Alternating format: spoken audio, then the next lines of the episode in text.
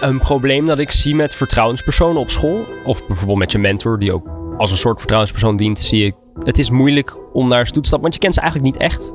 En zij kennen jou ook maar voor zover zij jou zien voor die paar uur in de week.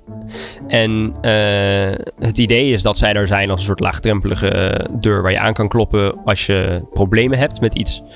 Maar ik denk dat de manier waarop het nu is ingericht, zijn ze eigenlijk een soort wildvreemde bijna. Want ze zijn puur daar vanuit hun baan en zo voelt het ook. Een mentor heeft dan 25 of 20 leerlingen.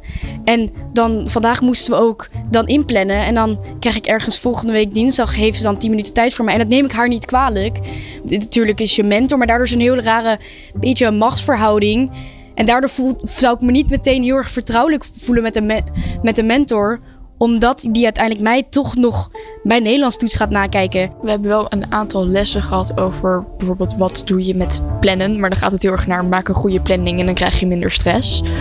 Maar dat wordt op heel veel manieren soort van erop gedrukt. Van een planning maken, dat, dat, dat helpt alles. Dat, maar nee. En vooral denk ik over je gevoel leren praten en hoe je daarmee omgaat. En hoe je dan uiteindelijk verder gaat met van oké, ik heb stress.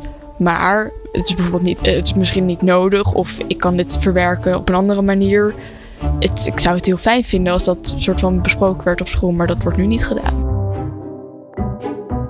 Ik snap het nog steeds niet, want ik dacht dat een vertrouwenspersoon iemand buiten school moest zijn. En toen hoorde ik dat het een docent was. En toen zei hij dat de docent iemand kon mailen en dan kon je met diegene mailen of zo.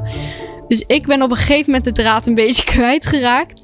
En ik denk dat ook dat echt wel een beetje verbeterd moet worden omdat ook al is er een vertrouwenspersoon, die vertrouwenspersoon moet gewoon rondlopen op school en zeggen: hey, dit ben ik. Ik ben een vertrouwenspersoon, kom gewoon lekker met me praten. En die moeten bijvoorbeeld ook gewoon, zou gewoon in de pauze kunnen rondlopen. Dat je een beetje zijn of haar gezicht kent. Dat je in ieder geval weet wie die persoon is. Want ja, sorry, ik ga niet een random docent waarvan ik nooit les heb aanspreken en zeggen ik wil met een vertrouwenspersoon praten. En dan vervolgens met een iemand die ik niet ken in contact komen, dan ga ik liever naar iemand, naar iemand die ik ken.